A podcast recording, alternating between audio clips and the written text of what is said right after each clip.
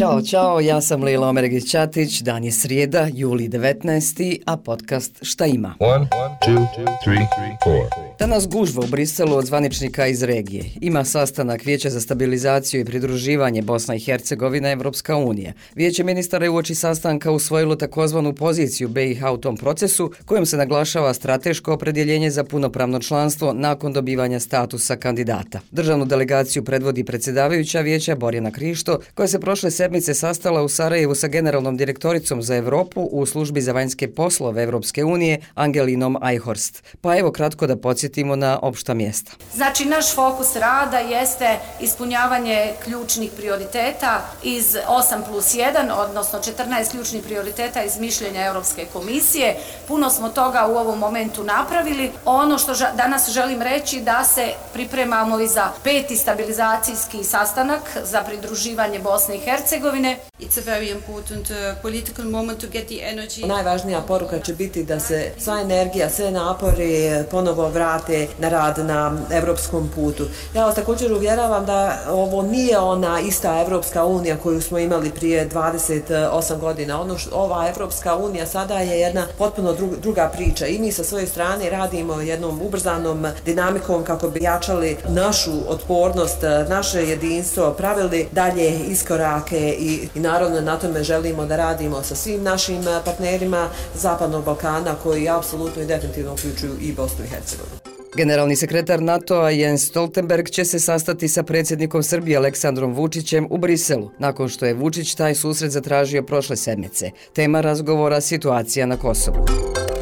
Također u Briselu su danas i razgovori glavnih pregovarača Srbije i Kosova sa specijalnim izaslanikom Evropske unije za dijalog Miroslavom Lajčakom. I tako dok se vode političke borbe, a nažalost i one brutalne u ratovima i one protiv prirode, priroda se brani. I za danas su popaljeni crveni alarmi širom Evrope zbog visokih temperatura, a požari bukte u više evropskih zemalja. Svijet mora da se pripremi za intenzivnije toplotne talase, poručuju Ujedinjene nacije, dok se sjeverna hemisfera približava maksimalnim temperaturama. John Nairn, stručnjak svjetske meteorološke organizacije, kaže da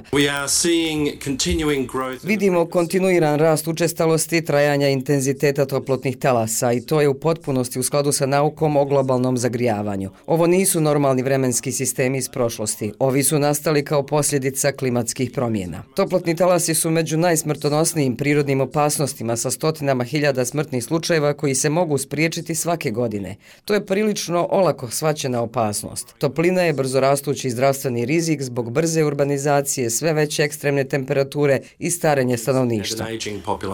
A vođa vođa tima za hitne slučajeve Međunarodne federacije društva Crvenog krsta i Crvenog polumjeseca Panus Aristo se nadovezuje na Johna pa poručuje da je ključno obratiti pažnju na ljude koji su suočeni s najvećim rizikom. They are not To nisu samo osobe koje su ranjive zbog zdravstvenog stanja, socioekonomski uslovi i životno uređenje također mogu izazvati rizike. Dakle, ljudi sa niskim primanjima u gradovima na kontinentu zaista snose teret ove nevidljive vanredne situacije, a ovi toplotni talasi utiču i na druga područja društva kroz smanjenu ekonomsku proizvodnju, napregnute zdravstvene sisteme, pa čak i nestanke struje.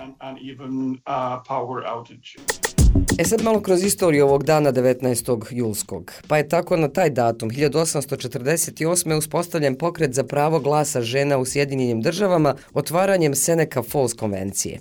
A onda je tek 1919. Senat podržao ustavni amandman koji da bi se usvojio trebalo ga je prihvatiti 36 država. Do 1920. to je učinilo 35 država i zahvaljujući mami Harrya Burna, zastupnika u Skupštini Tennessee, prihvatila je i 36. Tennessee. On je htio glasati protiv, ali je mama odigrala ključnu ulogu. 19. amandman Ustava Sjedinjenih država omogućuje ženama pravo glasa u cijeloj Americi.